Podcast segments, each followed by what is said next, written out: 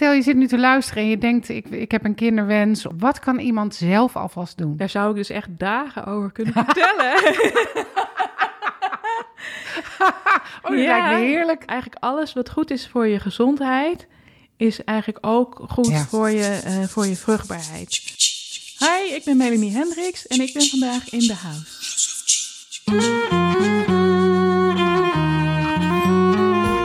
Deze podcast gaat over fertiliteit.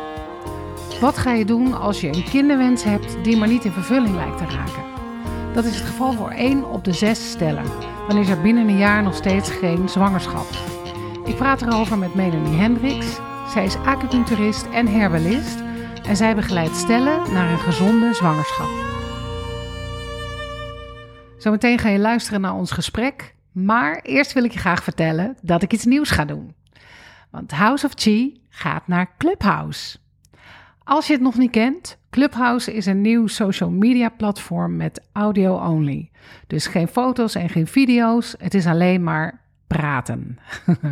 er wordt ook niks opgenomen. Je kunt live aanwezig zijn en meepraten, vragen stellen. En omdat ik me kan voorstellen dat over dit onderwerp, fertiliteit, best wat vragen zullen zijn, dacht ik, dit is een goede gelegenheid om eens te testen of House of Chi iets is voor Clubhouse. Dus donderdagavond van 8 tot 9 zijn Melanie en ik in onze eigen room. En je kunt alle informatie vinden op mijn website bij deze blog. En je bent van harte welkom. Het is gratis en je kunt al je vragen stellen. Er zijn geen domme vragen, geen stomme vragen. En nodig vooral ook vrienden en vriendinnen uit waarvan je weet dat dit onderwerp bij hun nu speelt. Dus donderdagavond 18 februari van 8 tot 9 in Clubhouse. En nu naar de podcast met de prachtige muziek van Norman David Jansen. Hey Melanie, welkom in de podcast. Dankjewel. Super leuk dat je er bent. Ja. Wat voor praktijk heb jij? Ik heb een uh, praktijk in de acupunctuur en Chinese kruidengeneeskunde. En uh, dus ik help uh, vrouwen en, en stellen met hun, met hun kinderwens en vruchtbaarheid. En ook met gynaecologische klachten en allerlei andere klachten. Maar de focus ligt wel echt op vruchtbaarheid. Oké. Okay. En wat voor mensen komen er bij jou? Wanneer komt iemand bij jou? Uh, de meeste mensen die bij me komen, die, die zijn eigenlijk al, al heel lang bezig met hun kinderwens. En dat zou eigenlijk niet hoeven, maar ja, pas, ze denken altijd vast heel laat aan ons. En um, ja, die hebben dus moeite met, met zwanger worden en, en willen dan daar begeleiding in. En um, dat gaat eigenlijk van patiënten waarbij niet uh, heel veel disbalans is, tot, uh, tot mensen met bijvoorbeeld echt heel zware endometriose. Wat vind jij moeite hebben met zwanger worden? Wanneer is dat dan? Ben je dan een half jaar bezig? Ben je dan vijf jaar bezig? Wanneer? Uh, nou, het is eigenlijk, hè, als je zoals de westers in ieder geval naar kijken, is, is het heel normaal om er een jaar over te doen om, om zwanger te raken. Ja. maar ik, ik denk dan altijd van, goh, als je al een half jaar bezig bent, dan, uh, dan krijg je toch zelf het gevoel van ik wil iets doen. Ja. Dus, uh, dus ik, ik vind dan ook wel uh, dat je dan ook echt wel ma wat mag gaan doen om, om jezelf te helpen met zwanger worden. En eigenlijk zou je al, al helemaal voordat je het idee krijgt van hé, hey, ik wil zwanger worden, al aan de slag mogen gaan.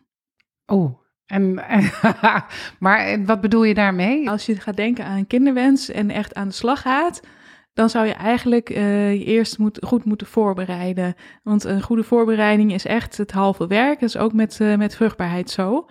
Dus een goede basis leggen. Um, als je bedenkt dat, uh, dat eicellen er 150 dagen over doen voordat ze in de cyclus klaar zijn om, uh, om te ovuleren, ja. dan, um, dan is het heel belangrijk wat er in die 150 dagen daarvoor gebeurt.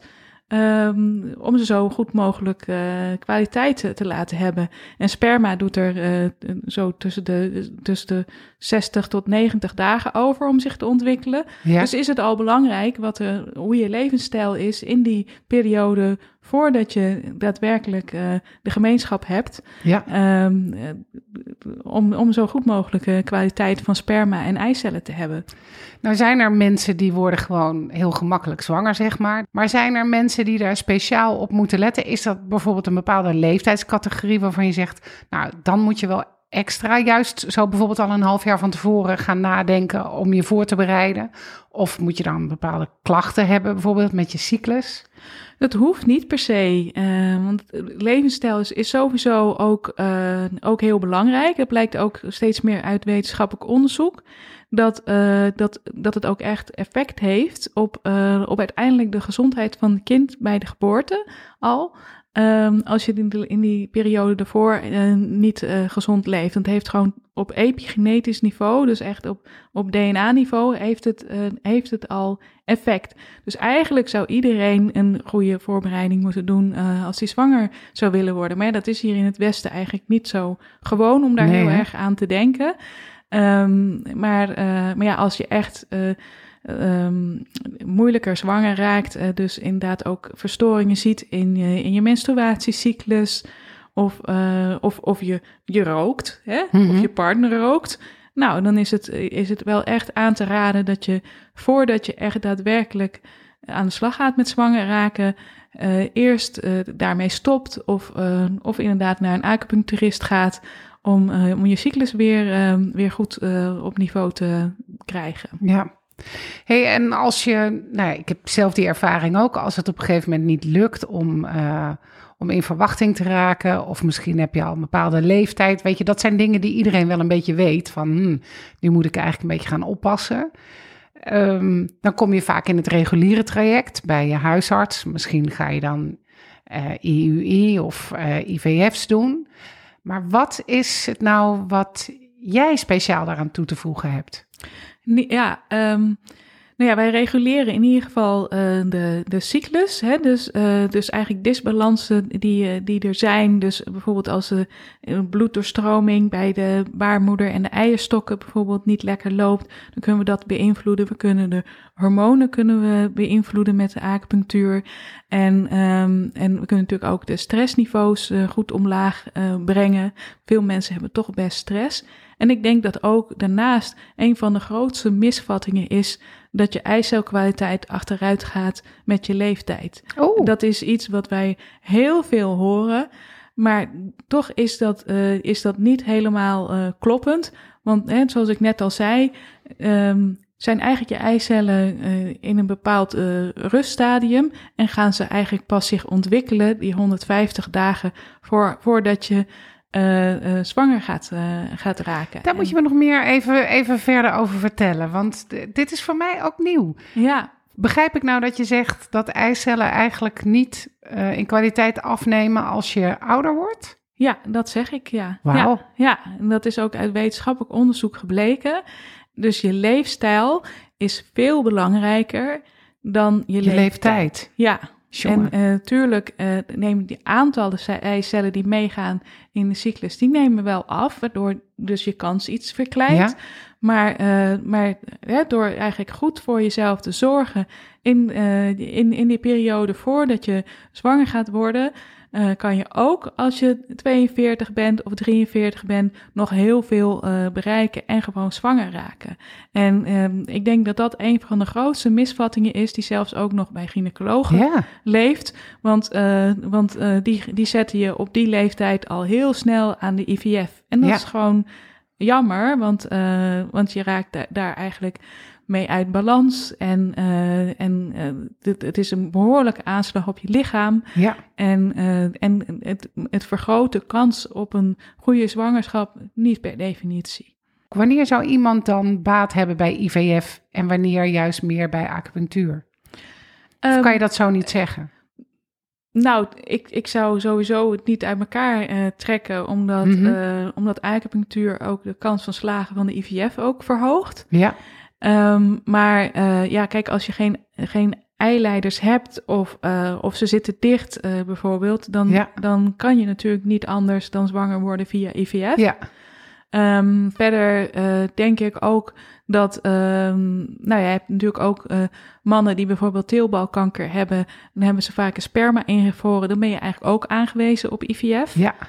Uh, op ICSI dan zelfs, wat ze dan doen. Mm -hmm. en, um, en er zijn natuurlijk ook vrouwen die kanker hebben gehad en hun eicellen hebben ingevroren. Die zijn natuurlijk ook aangewezen op IVF. Ja.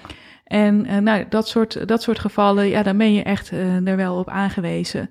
En, um, en ook als je de spermakwaliteit van de man niet, niet verbeterd krijgt, ja, dan, dan kan je natuurlijk wel die kans iets verbeteren met, met een ICSI-behandeling. Ja. ja, dus begrijp ik dan dat eigenlijk IVF en ICSI en dergelijke behandelingen de problemen ehm, kunnen oplossen van de weg van de zaadcel naar de eicel toe? Ja. Maar dat de kwaliteit van eicellen en zaadcellen, die verbeter je daar niet mee. Dat klopt. En um, ik denk zelfs dat, uh, dat een IVF-behandeling uh, je de kwaliteit soms ook uh, kan verslechteren zelfs. Omdat je lichaam ook wordt gevraagd om ineens met zoveel kracht zoveel mogelijk eicellen ja. tot rijping brengt. Dus ik zie eigenlijk het ideaal is bij een IVF dat je tussen de 5 en de 8 uh, eicellen hebt. Misschien 5 en 12, maar boven de 12 zie ik eigenlijk altijd dat er dan een afname is van de kwaliteit oh, ja? van embryo's. Ja, dan, dan heeft echt, dan denken mensen, hè, dan hebben ze misschien wel, wel 18 embryo's. En dan denk je, oh, nou heb ik veel kans. Nou, dat vergeet het maar. Uh, je hebt eigenlijk meer kans als je minder, minder embryo's hebt. Uh, omdat die dan vaak eigenlijk van betere kwaliteit zijn. En ze kunnen het helaas in het ziekenhuis kunnen ze niet aan de buitenkant zien wat nee. de echte kwaliteit van het embryo is. Nee. En dat vind ik soms ook wel eens lastig. Want doordat er zo'n uh, label opgeplakt wordt van dit is oh, zeker. een, een, een uh, oh, dit is echt een top embryo. Nou, dan, dan als je die teruggeplaatst krijgt en, en, het, en je krijgt uh, en het blijft niet plakken, dan, dan, dan hebben vrouwen vaak het gevoel dat ze falen. Ja. terwijl, terwijl het eigenlijk niet ja, het, ze hebben uit onderzoek is dan gebleken dat dat een embryo is dat meer kans van slagen heeft dan, uh, dan een ander. Maar het is niet per se een beter embryo. Hè? Het individuele ja. embryo kunnen ze eigenlijk niet goed beoordelen. En dan krijg ik ook mensen uh, in de praktijk bijvoorbeeld die. Nou, ik had, ik had een keer een dame en die, die was helemaal in tranen Mm-hmm. kwam ze bij me, want ze had een, uh, twee uh, embryo's teruggeplaatst gekregen. Een viercellige en een vijfcellige. En uh, ze zei van, nou, het is al verloren. En toen zei ik van, nee, als er geen kans is, dan plaatsen ze het niet terug. Hè? Mm-hmm. Dus ik heb ook viercellige embryo's gezien dat er toch gewoon iemand zwanger van, van werd. Dus, dus het is nog helemaal niet verloren. Dus dus nou ja, daar had ze ook, vond ze ook heel fijn dat ik dat had gezegd. En uh, wat is gebleken? Zij is uh, mama geworden van een tweeling. Ja. oh, het is zo'n um, zo'n groot en ook zo'n gevoelig onderwerp. En uh, ik weet uit mijn eigen ervaring ook, dat is alweer tien jaar geleden. Ik heb zelf ook IVF gedaan. En uh, dat is al spannend. En ik, ik herken zo wat jij zegt over die uh, aantallen eicellen.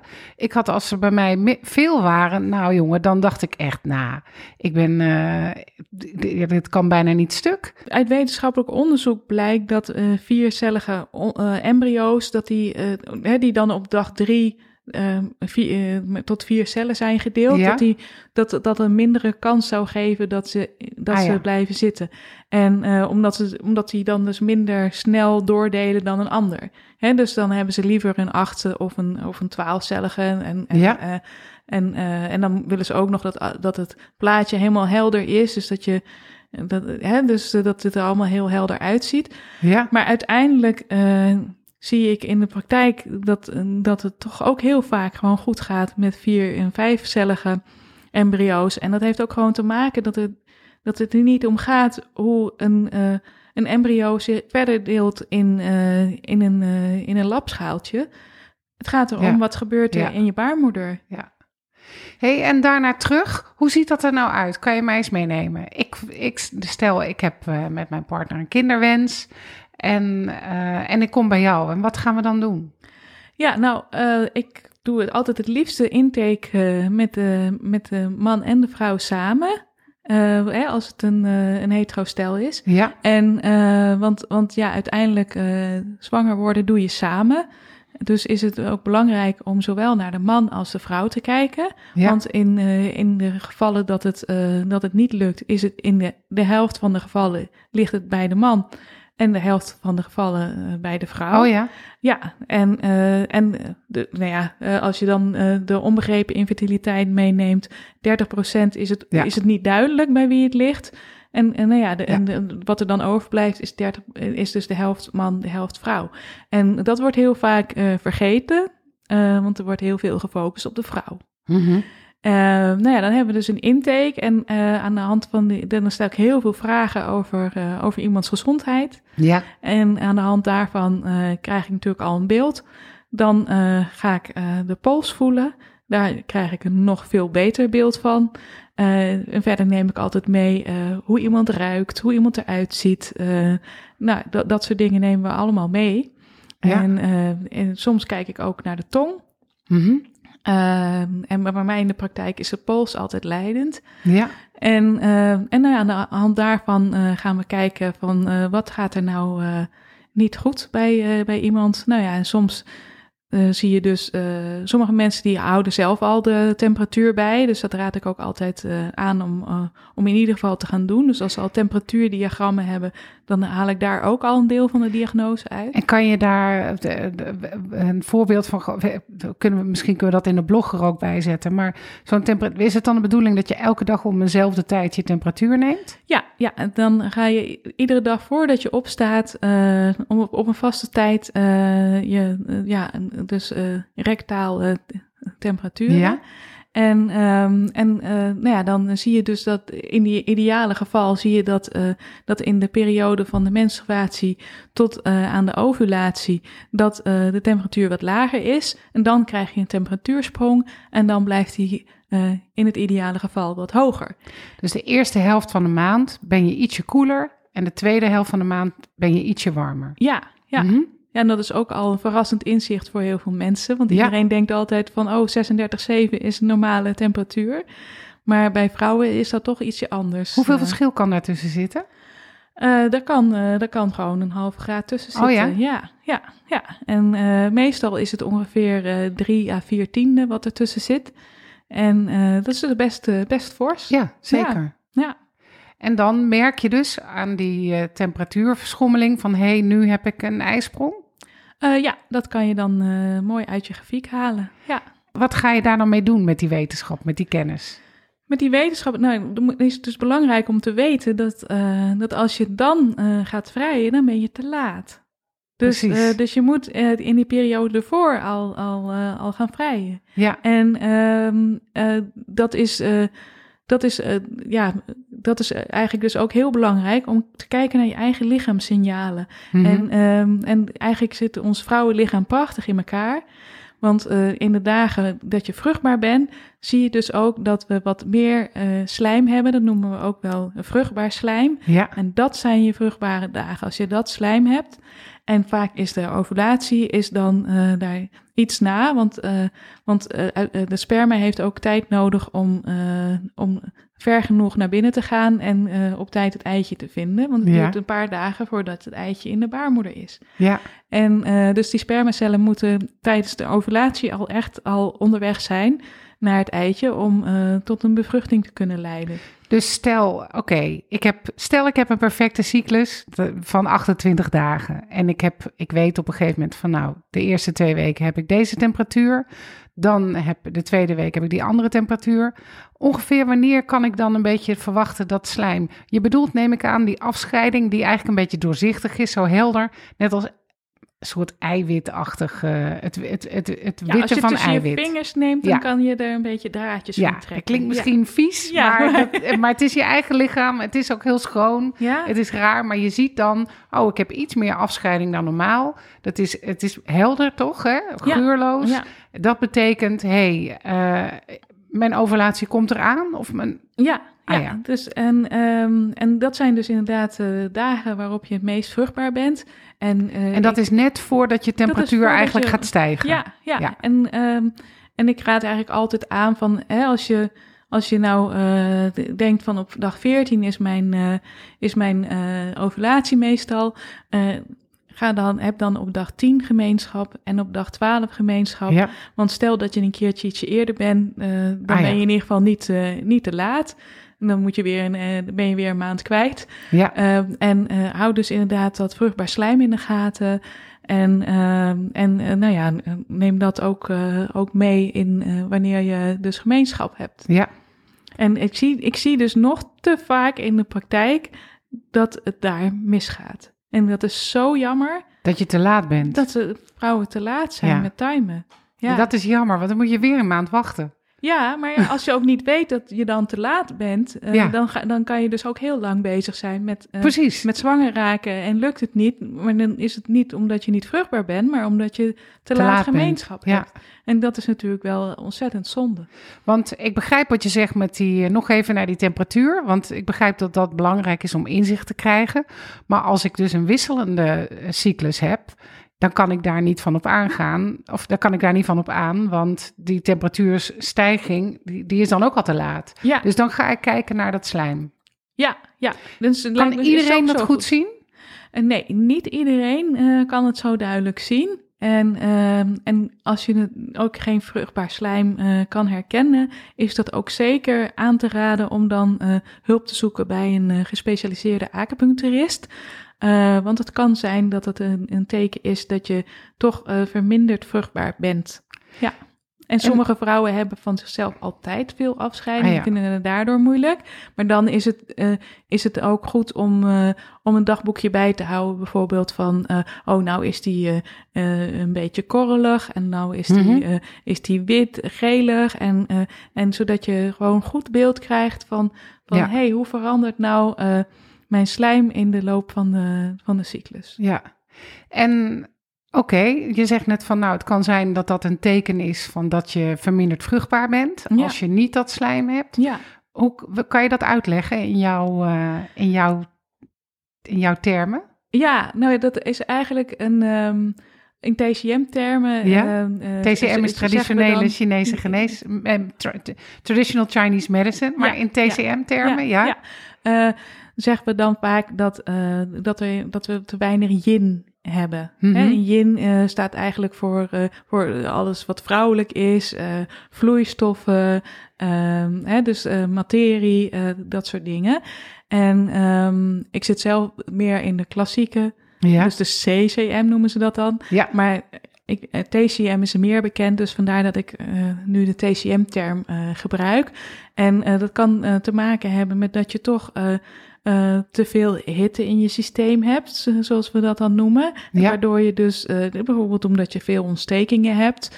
En dat je dus, eh, dus lokaal daardoor te droog bent. ja. En ja, het vruchtbaar slijm heeft, een, heeft, heeft er echt een functie. Hè? Dat, dus die draden, dat zijn een soort van snelwegen voor het sperma. ja. Om, om, om snel hoger in je, in je baarmoeder en eileiders te komen. Mhm. Dus, eh, dus dat zijn een soort van snelwegen voor sperma. Dus je kan je begrijpen, je kan begrijpen dat als dat er niet is, dan moeten die spermacellen dat allemaal helemaal zelf doen. ja. En, eh, of is ook misschien het milieu van eh, een vagina niet zodanig eh, dat dat sperma goed kan overleven. Dus, eh, dus dat, is, eh, dat is waarom dat een indicatie is om toch te, te kijken naar je, naar je gezondheid in de vagina en baarmoeder. Komt dat veel voor? Het komt best ve- veel voor, ja. ja. En wat zijn er nog meer dingen die veel voorkomen in jouw praktijk? Wat zie jij waarom vrouwen niet zwanger worden en uiteindelijk met jouw begeleiding wel? Eh, ik zie heel veel vrouwen met, eh met eh polycysteus ovarieel syndroom. Dus dat betekent eigenlijk dat er soms geen ijsprong plaatsvindt of, of dat die heel onregelmatig komt en dat er een soort van kiestes ontwikkelen. Ja, Ik zie ook veel mensen met endometriose, ja, dus veel verklevingen in de buik, waardoor natuurlijk ook de doorbloeding verminderd is. mhm. En, ehm, en verder zie ik ook gewoon veel vrouwen met, eh, met veel stress. En eh, wat natuurlijk ook niet gunstig is voor het yin. voor, ja, ja. voor het yin, maar ook, uh, ook door de, voor de doorstroming van energie en bloed in je lichaam is dat gewoon niet gunstig. En wat kan jij daar dan doen, aan doen als acupuncturist? Uh, wij als acupuncturisten, uh, want jij kan het ook ja. doen natuurlijk, kunnen natuurlijk heel veel doen aan, uh, aan het verminderen van stress. En uh, we kunnen ook heel goed uh, de hormonen beïnvloeden in, um, in, in dus eigenlijk de hele cyclus. Mm -hmm. En de doorbloeding uh, verbeteren van de eierstokken en de baarmoeder bijvoorbeeld. En, en, en daardoor kan je echt, echt heel veel doen.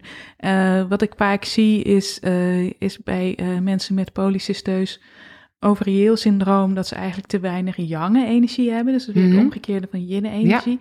Want uh, je kan je voorstellen dat uh, voor, uh, voor dus een, um, een ijsprong heb je veel jange ja. energie, hè, groei en warmte nodig om dat te bewerkstelligen. En hetzelfde geldt eigenlijk voor, voor het oplossen van, van vloeistoffen zoals van die kystes. Ja. En daar heb je ook jonge energie voor nodig om dat op te ruimen. Hoe kan het dat mensen te weinig jonge energie hebben? Dat uh, kan, uh, kan heel goed voorkomen in deze maatschappij door uh, uitputting. We werken allemaal veel te hard ja. en we moeten allemaal heel veel. Hmm. En dan schiet eigenlijk rust en goed slapen en dat soort dingen er allemaal een beetje bij in. We staan eigenlijk de hele dag aan. Ja. En uh, dat is natuurlijk met uh, de opkomst van de smartphones uh, natuurlijk echt ook echt veel erger geworden. Ja. En ik zie het ook in de kruidenformules die ik moet, moet voorschrijven. Ja, want jij, geeft ook, jij bent ook herbalist. Ja, ja, ja. ja. En ik schrijf eigenlijk veel te vaak, moet ik eigenlijk kruidenformules voorschrijven die die, die vroeger dus heel uh, zeldzaam waren. Oh ja? Voor, mensen met uitputting, met jonge uitputting. Jongen, ja. jongen. Ja. Wat kan je nog meer dan merken aan, die, aan, dat, aan dat je dat yang bijvoorbeeld tekort hebt? Veel mensen zijn dan vaak ook uh, moe. En uh, vaak zie je ook dat, ze, dat hun spijsvertering niet, niet lekker loopt. Hmm. Uh, vaak opgeblazen gevoel, uh, snelle diarree. Uh, ja. Dus allemaal van dat soort dingen zie je ook. Of vocht vasthouden. dus dus snel koud hebben.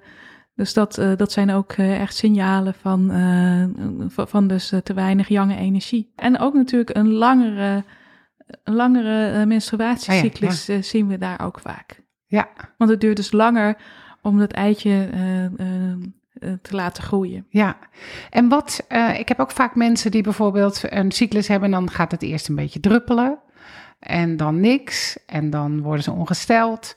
Is, is, is daar ook wat over te zeggen? Heb je dan ja, ook? is vaak, vaak ook uh, een ja. gebrek aan jonge energie. Ja. ja. Hoe gaat het dan in zijn werk? Kom ik dan elke week bij jou? Of kom ik um, één keer in de maand? Of... Sommige mensen die willen alleen uh, acupunctuur. Die laat ik dan iedere week komen. En uh, mensen die, uh, die ook uh, Chinese kruiden nemen, die laat ik één keer per twee weken komen ah, ja. in, de, in de voorbereidende fase. Uh, maar als ze bijvoorbeeld IVF doen of IUI, dan ga ik in die, uh, in die weken ga ik dan, uh, dan wat meer behandelen. Maar ik zeg eigenlijk meestal voor mensen die voor vruchtbaarheid komen, zeg ik van neem drie tot vijf maanden om, om goed in balans te komen. En dan doen we dus hè, die eens in de twee weken komen. Ja. En, en dan. En, en dan kunnen we daarna kijken van, uh, hè, als, ze, als ze inderdaad een IVF ingaan, dan, dan, dan, dan spreken we op vaste momenten af. Hè, dus het eerste stukje kun, kan ik bijvoorbeeld helpen om, uh, om de groei van de eicellen te helpen. Ja. En uh, daarna, als de punctie is geweest, dan herstellen we eigenlijk de. Hè, dan hebben ze eigenlijk een soort van operatie gehad. Mm -hmm. dus, uh, dus dan wil je eigenlijk toch zorgen dat, dat, het, dat de bloeddoorstroming mooi herstelt. Ja. En op de dag van de terugplaatsing doen we altijd een behandeling. En dan, daarna kunnen we de innesteling ondersteunen. En dan blijven we eigenlijk doorbehandelen om, uh, tot, uh, tot de eerste twaalf weken van de zwangerschap uh, voorbij zijn. Want de kunst is niet om mensen zwanger te krijgen, nee, want ze, ook ja. om ze zwanger te houden. Ja. ja. Dat is best een intensief traject, hè? Ja, is best intensief, ja. ik vind het ook ontzettend leuk om te doen, want we je krijgt dan ook, eh, ook echt, je krijgt echt band met je, Ja. met je cliënt. We gaan er echt samen voor Ja. en eh, dat is heel bijzonder. En wordt dat vergoed? Ehm, nou, en vaak wordt maar een klein deel van de behandeling eh, eh, vergoed. Ja. En, eh, en dan vaak ook nog maar een deel van de, van de behandelingen. Dus, dus ja, ik, ik zie er naar uit dat we in de toekomst naar ook een betere ehm, eh, dekking van de verzekering Ja, dat begrijp gaan. ik. Ja. Want stel nou dat iemand zegt, ik kan dat niet betalen, zoveel. zoveel. Heeft het dan zin om te zeggen, oké, ik doe, ik, je komt, wat, wat, wat zou je dan doen? Eh, wat ik dan meestal doe, is kijken naar wat er wel kan. Ja, En, ehm, en eh, ik zie ook wel vaak dat het ook, ook gewoon een keuze is. ja, Hè, want ik zie ook wel mensen met echt een heel eh, beperkte beurs, maar die, die, die zo graag zwanger willen worden dat ze er ook echt alles voor over hebben. ja, En, en dan kijken we natuurlijk ook wel naar wat, wat wel kan. Ja, Gemiddeld zeg ik altijd dat je een voorbereiding nodig hebt van drie tot vijf maanden. Maar er zijn natuurlijk ook wel gevallen waarin eh, ik zeg dat we langer moeten voorbereiden. Mhm.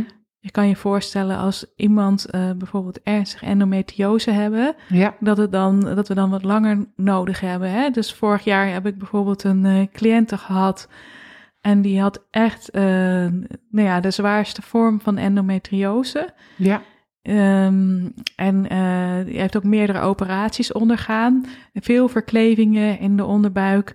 En, ehm, en die, eh, die, die, die kwam eh, bij me. En toen heb ik dus ook gezegd: ja, we moeten dus nu wel echt een, een lange aanloop nemen om te zorgen dat die doorbloeding van die buik echt goed, goed verbetert. ja, Dus daar, die heb ik ook speciale kruidenformules gegeven, die, eh, die ook eigenlijk van die verklevingen oplossen. Mhm. En eh, in ieder geval eh, ook soepeler maken. En het zorgen dat haar baarmoeder heel mooi schoon is geworden. Om dan inderdaad de terugplaatsingen van de nog twee cryo's die ze had te doen. ja, Dus we hebben negen maanden voorbereid. jongen. Nou, de eerste terugplaatsing ging helaas niet goed. Mhm. Maar de tweede terugplaatsing hebben we, eh, heeft eh, echt het, het resultaat dat ze nu dus eh, zwanger is. Ah. Dus daar ben ik ontzettend blij Ja. mee. Dus ja, dat, dat vind ik echt het mooiste, mooiste wat er Dat is. begrijp ik. Ja, en ik had ook een beetje de druk bij haar weggehaald. Ehm, want ze zouden, dit zou hun laatste IVF-ronde zijn. Maar dat Ja. betekent dat er dan dus ook heel veel afhangt van die ene terugplaatsing. Ja, En ehm, dus ik heb eigenlijk tegen haar gezegd van ja, dit was nog eigenlijk, eh, waren dit nog cryo's van voordat je bij me kwam. ah, maar ja, we ja. hebben nu een betere doorbloeding van je baarmoeder en eierstokken. Dus het kan best zijn dat deze embryo's niet eh, van optimale kwaliteit zijn. Dat je nu eigenlijk beter eh, embryo's zou hebben. Ja, precies. Dus, eh, dus dan zou het jammer zijn als dit het laatste is wat je Ja. doet. Want ik denk dat als je nu een nieuwe IVF-ronde ingaat, dat je dan eh, embryo's kan krijgen van nog betere kwaliteit. En, eh, en ja, het is dan jammer als je nu gaat stoppen. Ja, Ehm, dus zij heeft dat met haar partner besproken. Eh, want ja, het is natuurlijk niet, als je endometriose hebt, wil je eigenlijk li- liever niet die stimulerende hormo- hormonen. Omdat nee, dat dan wordt het erger. Hè, dan wordt de endometriose erger. Maar ja, omdat het nu wel goed met haar ging, heeft ze toen toch besloten om, om te zeggen van als deze niet lukt, dan, eh, dan gaan we toch nog een IVF-poging doen. Nou, Ja. dat heeft veel druk bij haar weggehaald. Ja, En ik denk dat dat er best mede toe bij heeft gedragen en dat het nu wel eh, gelukt is. geweldig hè? Ja, fantastisch. Ja. Jeetje. Ja, ik word er echt super blij van. Ja. Toen ze binnenkwam had ik ook zoiets van oei, dit wordt een, eh, wordt een moeilijke. Maar als Ja. het dan toch lukt, dat is echt zo fantastisch. Ja. Ja, En- Voel, voelen mensen zich, gaan mensen zich ook niet fysiek beter voelen? absoluut. Want eh, haar gynaecoloog is dus ook ontzettend eh, verbaasd eh, dat ze Ja. geen pijn meer heeft bij de menstruatie. Ja. Want ze had altijd heel veel pijn. En dat is gewoon weg Ja. gegaan tijdens de... Nou, en dat is ook iets hè, wat ik heel graag, wat ik in alle podcasts die ik tot nu toe heb opgenomen ehm, over vrouwenklachten, ehm, maken weer zo duidelijk dat al die klachten die zoveel mensen zo normaal vinden, eh, dat dat wat zegt en dat het zo zinvol is om daar wat aan te doen. Ja, En dat, het, dat je dat nu al kunt doen. Stel, je, je luistert nu en je hebt nog helemaal geen kinderwens, maar je hebt veel klachten bij je menstruatie. Dan is het gewoon zinvol. En omdat het fijn is om van je klachten af te zijn. En omdat, om te weten dat je van je klachten af kunt komen. Maar straks, als het spannend wordt omdat je, omdat je dan je kinderwens actueel is. Dan zou dat extra druk zijn daarbij. Ja, zeker. En eh, ik ben er echt absoluut voor dat vrouwen die gewoon klachten hebben tijdens hun menstruatie of voorafgaand aan hun menstruatie, dat die allemaal eh, zich laten behandelen. Ja, Eh, omdat, eh, niet alleen maar omdat er dan niet zo'n druk ligt op het moment dat je Ja. uiteindelijk zwanger wil worden, maar ook gewoon om te voorkomen dat je vervelende dingen gaat ontwikkelen. Ja. Ik bedoel, eh, voor ons, eh, in onze TCM-taal Mhm. eh, begint eh, bijvoorbeeld het met mensen die gefrustreerd zijn dat hun Ja. energiestroom in hun lichaam stagneert. En, en als dat lange tijd gebeurt, dan, dan gaat ook het bloed eh, eh, dus Ja. eh, stagneren. En dan kun je dus van die dingen ontwikkelen als vleesbomen of Ja. inderdaad endometriose. Eh, hè, dat, dat, dat zijn de ergere stadia. Dus hoe eerder je in het proces iets doet aan je, aan je klachten, ja. hoe meer dingen je kunt voorkomen die later dus tot grotere pro- problemen kunnen leiden. Ja. En het is jammer dat we ons daar zo weinig bewust van ja, zijn. hè? Ja, Ik ben ook in China op stage geweest. ja. En eh, daar heb ik een gynaecologie stage gedaan in een ziekenhuis dat, eh, dat eh, Chinese geneeswijze combineerde met dus westerse Ja, geneeswijze. want dat is volgens mij de, ul- de, het, de ultieme, toch? Nou, niet helemaal. Want Nee? Ik, ik, nee, vind ik niet. Omdat, omdat ik eigenlijk het ultieme vind is dat we gewoon zorgen dat we, dat we gezond en in balans zijn. Oké, En, en You win. Maar Voordat, het- voordat, we, voordat we inderdaad eh, bezig gaan met onze kinderwens. Maar het ultieme is natuurlijk wel dat als je dat gedaan hebt, eh, maar er zijn factoren waardoor, waardoor het niet kan. Dat je, dan is de, is de reguliere geneeswijze natuurlijk ook hartstikke mooi. Hè, want iemand zonder eileiders kunnen wij niet helpen met onze nee, precies. Ja, Dus het is fantastisch dat je een IVF Ja. kunt, eh, kunt doen. Maar de ontwikkeling in China is nu zo dat mensen ongeduldig zijn. En, Ah ja. eh, en eigenlijk niet eerst gezond willen worden, maar liever die hormonen willen om zo Oh, snel mogelijk en, zwanger dat, te raken. ja, en daar wil ik wel wat over zeggen, want dat begrijp ik heel goed. Als, Ja, je, ik snap het ook, als, je, ja. als, je, als je daar nooit over hebt nagedacht, en daarom is het zo belangrijk dat we daar heel veel over vertellen. Want als je daar nooit over hebt nagedacht en je hebt die kinderwens, dat is zo'n krachtig gevoel. Dat is zo'n zo'n eh, urgentie, zeg maar. Ik heb iemand in mijn praktijk nu ook die daar echt heel rustig mee omgaat en al lang, zeg maar. Ik heb daar bewondering voor, want ik kan me herinneren dat ik op het moment dat ik er echt aan dacht, was ik ook al ouder. Als iemand toen tegen mij had gezegd, joh, we gaan een half jaar dit traject doen, dan ga je nog niks proberen. Of, eh, nou, we gaan nu IVF's en we doen er drie snel achter elkaar. Dan weet ik ook niet waar ik voor had gekozen. Nee, en dat snap ik ook heel goed. Daarom zeg ik ook altijd: kijk, mijn advies is: eh, we bereiden drie tot vijf maanden voor. Hè, dan, dan heb Ja. je het, beste eh, En nu, kans. nu zou ik ook zeggen, geen keuze. Je gaat eerst voorbereiden. Ja, nee, nee. Maar Zo, zo hard ben ik niet, niet hoor. zo. Nee, nee, dat kan ik ook heel goed begrijpen. Dus, dus ik ben niet zo hard bij mij in de praktijk. En ik kan heel goed begrijpen dat als je al... Ik krijg vrouwen die al vijf jaar bezig zijn. Ja. En dan nog een half jaar wachten. Ja. Ik snap dat dat een brug te ver is. Dus ik ben wat dat betreft niet zo streng. nee, dat dus, geloof eh, ik. dus, dus dan, dan zeg ik ook van dat kan ik ook begrijpen. Maar mijn advies is om het wel te doen. Ja. En sommigen volgen dat advies. En eh, ja, je hebt ook nog met de partner vaak te maken. En Ja. die wil het soms ook niet zo ja, wachten. dat z- dus, zijn eh, ingewikkelde krachten allemaal hoor. ja, het is echt heel... Of een eh, partner die misschien dat minder graag wil dan jij. Dus Ja. van wie je al het uiterste vraagt. Ja, Maar ik heb je onderbroken. Je- Jij was in China, in dat Ja. ziekenhuis. ja, ik was in China in het ziekenhuis. En eh, nou ja, dat gaat sowieso natuurlijk heel anders. Hè? Dus eh, privacy, dat bestaat daar eh, niet. dus Oh, de hele kamer staat vol met, eh, met, met allemaal vrouwen die, die, die allemaal aan de beurt willen komen bij die gynaecoloog. Maar die komen dan dus echt binnen. En die, die zeggen dan, Ja, uh, mijn cyclus is, uh, is te kort. Hè? Die is nog maar 23 dagen. En ik heb uh, spotting een paar dagen vooraf. En ik heb pijn. En ik heb deze en deze PMS-klachten. En, en daarom ben ik hier. En ik viel zo wat van mijn stoel. Want wat zou ik graag willen dat wij vrouwen in Nederland dat bewustzijn krijgen van over hoe een normale cyclus hoort te zijn. Want dat weten we eigenlijk allemaal niet. Ja. En, uh, en dat we dus ook zeggen van hé, hey, uh, er klopt iets niet, dus ik moet, uh, moet een behandeling krijgen om, om weer in balans te komen. En dat vond ik zo mooi om te zien. Ehm, hè, we zijn in Nederland hebben een beetje een negatief beeld van China. Maar ik, vond, hmm. ik, ik, vond dit zo mooi dat ik denk van... wauw, die vrouwen zijn zo bewust van hoe een, hoe, hoe een normale menstruatiecyclus eruit hoort te zien.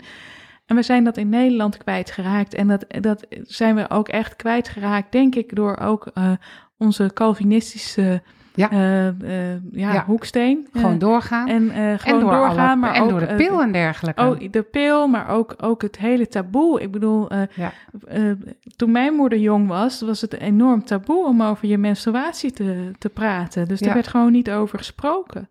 Uh, terwijl ik best een progressieve oma had hoor in die tijd. Maar dat soort onderwerpen, uh, daar, daar, was toch een taboe op. Ja, en ik kan me herinneren, weet je wel, dat als je, zou, als je vertelde van... oh, ik heb buikpijn met mijn menstruatie, dat je moeder dan zei... oh, ik had dat vroeger ook heel erg. Ja, dat hoort dus, erbij. Ja, ja dus ik vind, normaal. Ja, ja, ik praat wel eens met... Uh, ik had onlangs een gesprek namelijk met iemand... dat ging over de pil. Ik ben niet per se oh, altijd anti, anti de pil. Ik ben gewoon meer voor... denk na over informeer je en maak een bewuste keuze. En toen zei uh, die dame van ja, maar die jonge meiden die willen ook. Um, uh, die, die, willen voor, die willen gemak en die willen dit en uh, nou, die willen niet luisteren.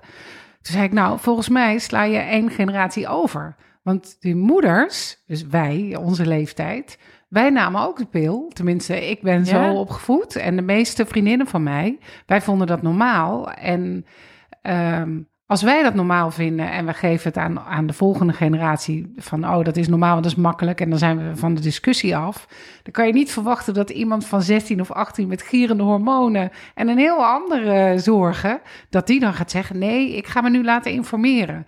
Dus volgens mij is het onze taak om, uh, om de dochters op te voeden, of om, de, ja, om, om het te vertellen, maar vooral ook aan die moeders. Aan de moeders van dochters. Want die moeten hun. Je kan niet nu het meteen bij de nieuwe generatie alleen maar neerleggen. Nee, want eigenlijk. Hè, uh, kijk, ik heb vroeger ook niet nagedacht over ik wat niet. de pil nou eigenlijk is. Maar met de pil ga je eigenlijk de hele communicatie tussen je hypofyse en je eierstokken platleggen. Mm Dus je hele vrouwelijke fysiologie wordt eigenlijk uh, stilgelegd. Ja kunstmatig. Mhm. dus, uh, dus ja, dat, dat, dat is natuurlijk best heftig als je daar langer over nadenkt. En uh, ja, als, uh, als jong meisje denk je, nou, een pil en dan, makkelijk. En, lekker makkelijk. En, en terecht, en, ja. En, kijk, ze gaan ook net hun seksualiteit ontdekken. En dan is natuurlijk ook de angst om zwanger te raken. Ja. Die is er natuurlijk ook. En natuurlijk moeten we ook oppassen met geslachtsziektes. Ja. Want ja, ik zie ook heel veel vrouwen met uh, de gevolgen van, uh, van geslachtsziekten in mijn praktijk. Oh ja. Uh, hè, waardoor ze dus bijvoorbeeld hun eierstokken dicht zijn gaan zitten. Um, maar um, ja, je kan er ook niet omheen dat uh, ik heb in mijn jeugd ook wel eens uh, wat onverstandige dingen gedaan. Tuurlijk. Weet je? Dus, nou, ik ook.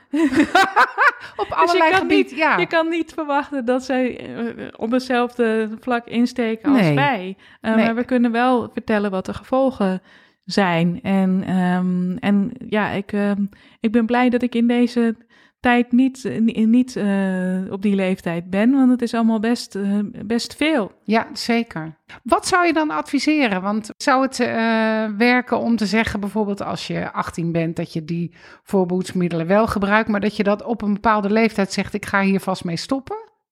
Uh, ja, nou, dat is, het is, ik vind het nog steeds een heel uh, lastig ding. Hè? Ja, want het, want uh, nou, ik weet dat, dat Melanie Peters, die heeft ook zo'n mooi, van die mooie artikelen in haar mooie magazine. Ja. Hè? ja.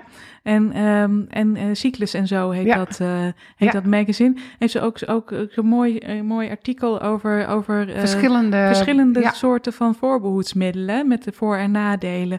Dat vind ik echt een mooi, eh, mooi stuk. En ehm, eh, ik denk dat dat ook, ook goed is als, als, als iedereen dat blad leest. ja. ja. En, Er zijn allemaal hele en leuke daarin, eh, artikelen en- in. Ja, en, en daar ook, ook zich in verdiept. Want het is natuurlijk een beetje af, afhankelijk. Kijk, je, het liefst zou je een, ehm, een conceptiemiddel hebben, wat anticonceptiemiddel hebben, waar, waar geen hormonen in zitten. Hè? Daar ben ik groot voorstander Ja. van. Maar ja, dan hebben ze bijvoorbeeld van die, eh, va- van die apps waar je, waar je op basis van je, eh, van je, van je temperatuur inderdaad kan, kan kijken van, nou ja, hè, nu hoef ik niet zoveel Ja. veel eh, eh, voorbehoedsmiddelen te gebruiken en, en dan weer wel. Ehm, maar nou ja, je, je, dat stuit bij sommige vrouwen op weerstand, om de, zeker jonge vrouwen, want dan moeten ze iedere dag hun temperatuur meten.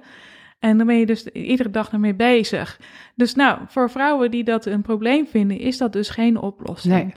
Ehm, nou, zou je bijvoorbeeld de koperspiraal eh, kunnen, eh, kunnen nemen. Ehm, maar eh, als je al aanleg hebt voor dingen als Infecties en zo, endometriose of, of vleesbomen in de familie, dan vind ik dat ook niet een heel slim eh, idee. Ja. Dus, dus er zijn verschillende afwegingen die je per persoon eh, moet maken. Dus ik denk ook niet dat we.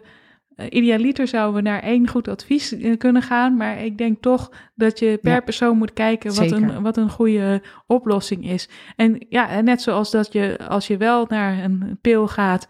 Is die ook voor sommige mensen niet eh, geschikt om, dit, eh, om echt anticonceptiepillen te nemen, omdat die te slordig zijn. Ja. Eh, dus die zouden dan eerder een prikpil eh, moeten nemen of een spiraal moeten Ja, nemen. Dus, andere, ja. dus het is gewoon ook, ook zo afhankelijk van persoonlijke kenmerken, karaktereigenschappen. Ja. Dus hoe je ook reageert op verschillende anticonceptiemiddelen. Hè, sommige vrouwen krijgen, krijgen erge pijn van zo'n spiraal. Eh, en dan is het dus gewoon niet geschikt voor jou. Stel, je zit nu te luisteren en je denkt, ik, ik heb een kinderwens. Wat kan iemand zelf alvast Daar zou ik dus echt dagen over kunnen vertellen.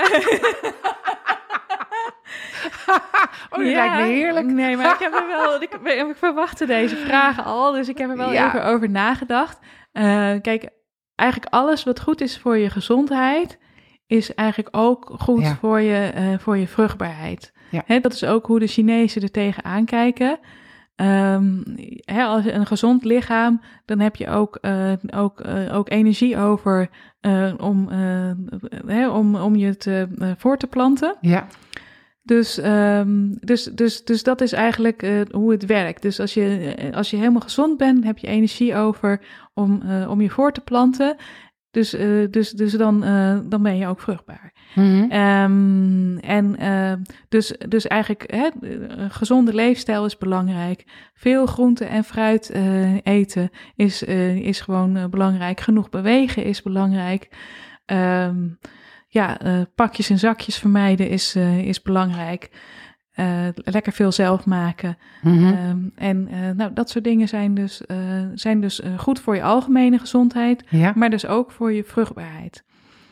Ehm, verder, wat ik dan eigenlijk zie, wat, wat, wat eigenlijk tot problemen in de vruchtbaarheid leidt, is, is vaak dat er ontstekingsreacties in, in het lichaam zijn. ja. En ehm, dus dingen die ontstekingen veroorzaken, zoals dus bijvoorbeeld zuivel, dierlijke zuivel, heb ik het dan over, ja. of eh, bijvoorbeeld eh, tarwe, ehm, dat soort dingen, eh, die, die kan je het beste vermijden. Mhm. En ik zie dat helemaal bij de mannelijke vruchtbaarheid. Is echt, Oh ja? is echt melk is echt, echt, echt eh verschrikkelijk. Is killing. Oh ja? Killing voor het sperma. Ja. Oké. Nou, mannen? eigenlijk mannen die, die ik in de no praktijk more krijg. milk. De, de, ja, het grootste deel van de mannen die ik in de praktijk krijg met vruchtbaarheidsproblemen, die, lit- die drinken een liter of, of twee liter melk per dag. Oh En als ze dat eh, uit hun dieet gooien, dan, eh, dan, dan schieten die, eh, die cijfers van hun sperma omhoog. Dus ja, Oké, makkelijk.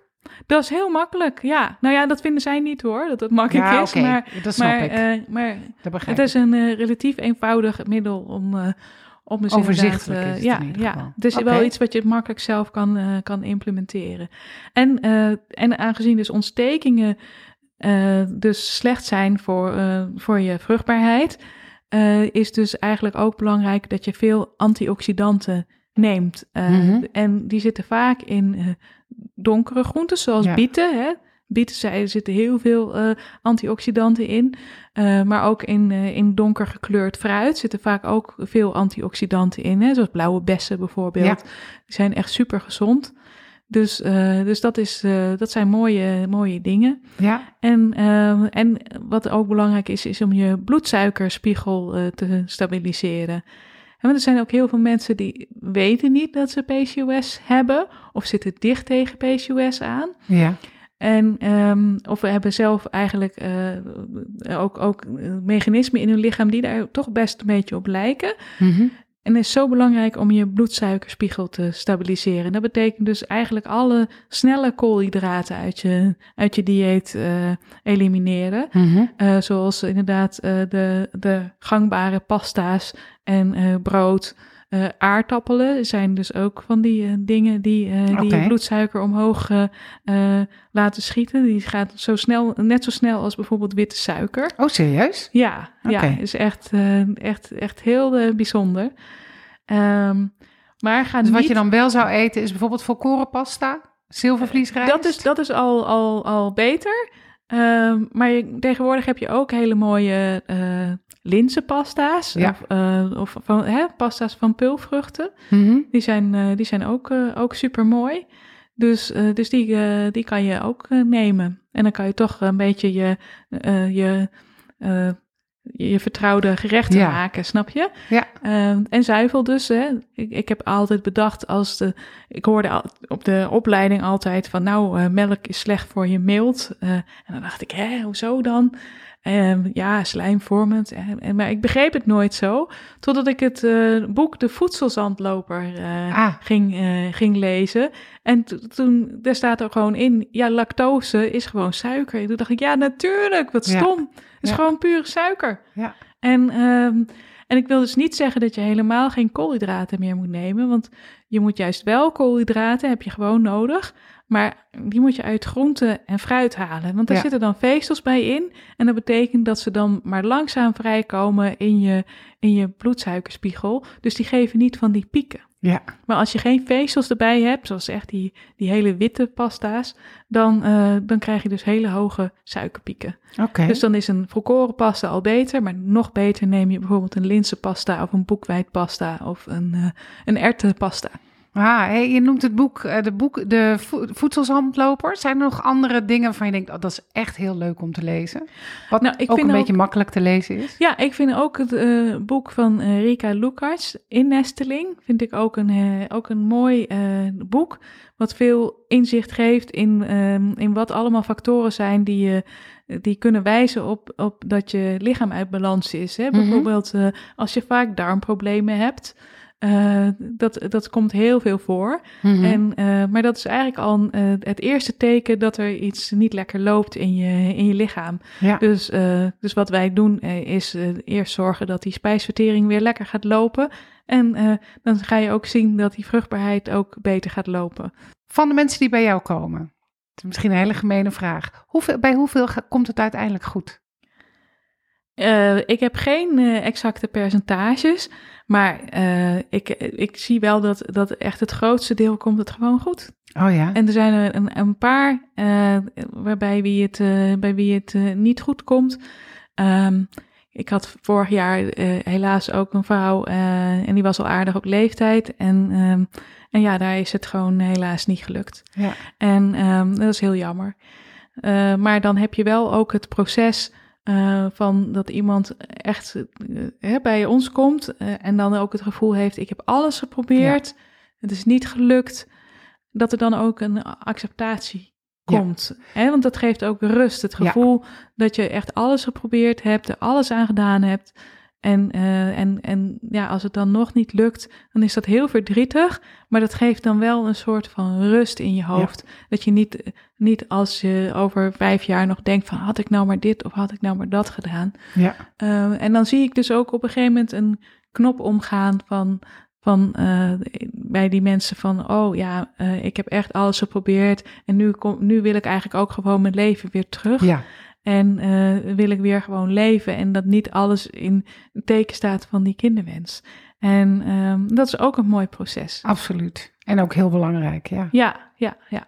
Maar gelukkig, het grootste deel. Uh, ja. Uh, ja, anders zou ik ook geen plezier meer hebben in mijn werk, denk nee, ik. Als dat het zoveel mis, mis, mislukken zou. Ja, dat was een, een van de mensen waar ik, waar ik echt het meest blij van werd afgelopen jaar. Dat was, uh, was een vrouw en um, haar man heeft kanker gehad. Ja. Dus ze haalde sperma ingevroren.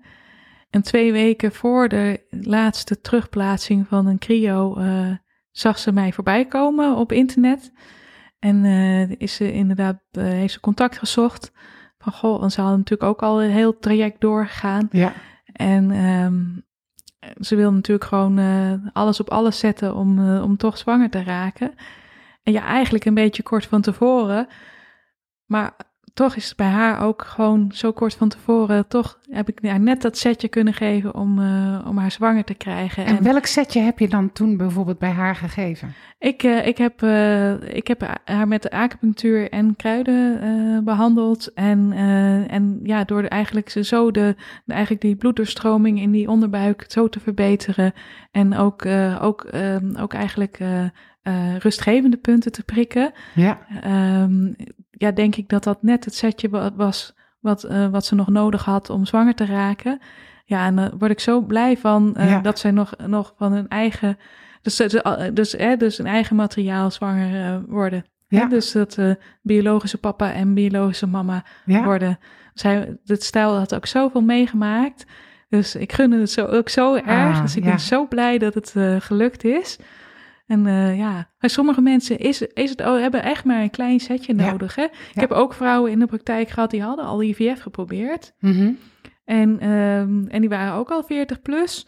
Ehm, maar, ehm, en die kwamen dan dus toch nog bij mij. Oh, serieus? En zijn toch natuurlijk zwanger geraakt. En eh, een van die vrouwen eh, was na een maand was ze gewoon zwanger. Dus dat gebeurt ook. En kan je dan zeggen, weet je nog, wat was er bij haar dan dat wat, de, wat er nog moest gebeuren, zeg maar, toen? Ja, de Wat- energie die stroomde niet lekker. Dus ik heb gezorgd dat er e- energie lekker ging stromen. En eh, dat was het. Jongen, jong. En ik heb ook een vrouw gehad die, eh, die was eh, van de eerste kindje eh, makkelijk zwanger geraakt. En toen had ze een keizersnee gehad.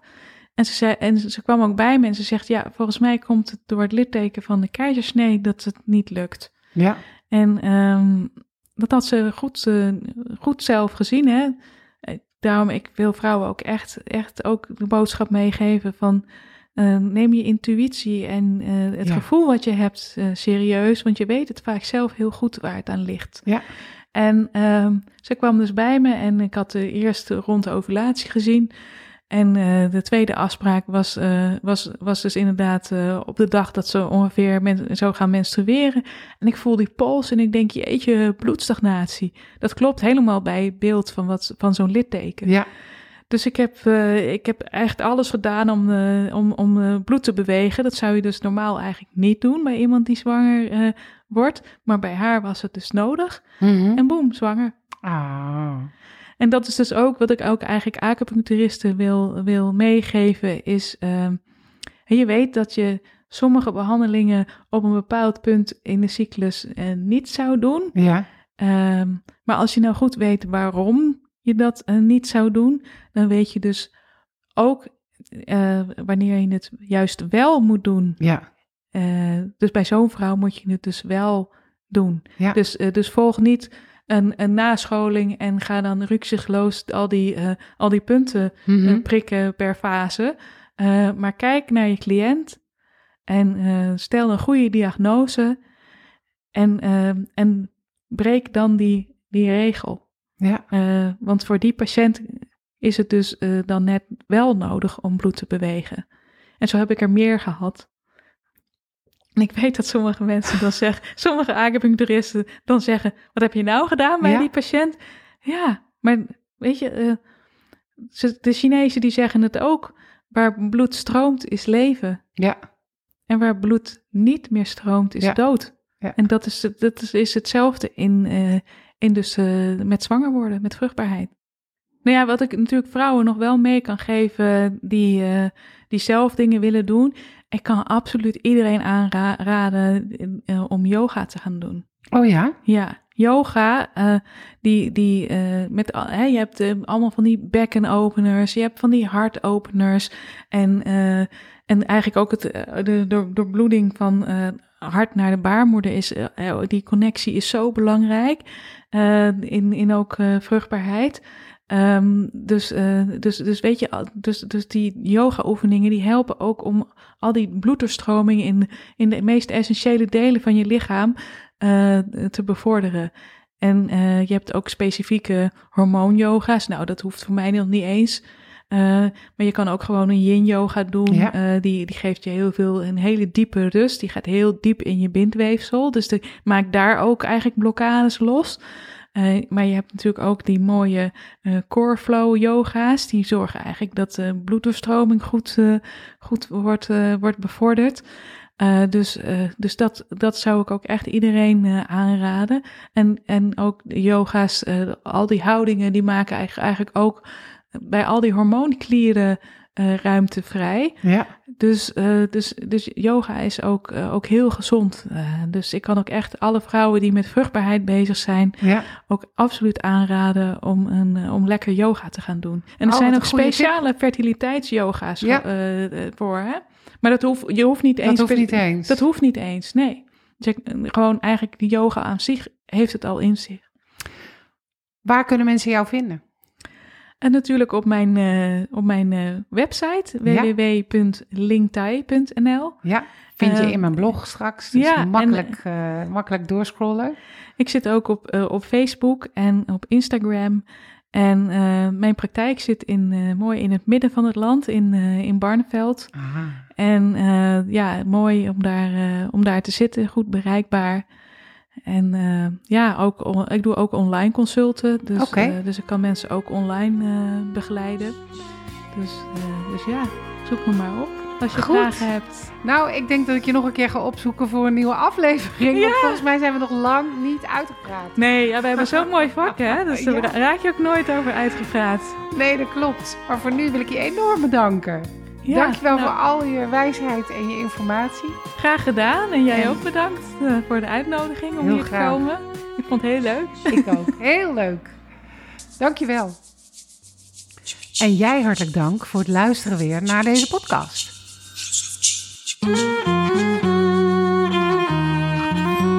Ik kan me voorstellen dat je na het horen van deze aflevering nog veel meer zou willen vragen aan Melanie. En dat kan, want House of Chi komt naar Clubhouse. Aanstaande donderdag, 18 februari, zijn Melanie en ik samen op Clubhouse in onze eigen room. En daar ben je van harte welkom om aan te sluiten en al je vragen te stellen. Kijk op mijn website nataliekamp.nl voor alle informatie. Tot donderdag.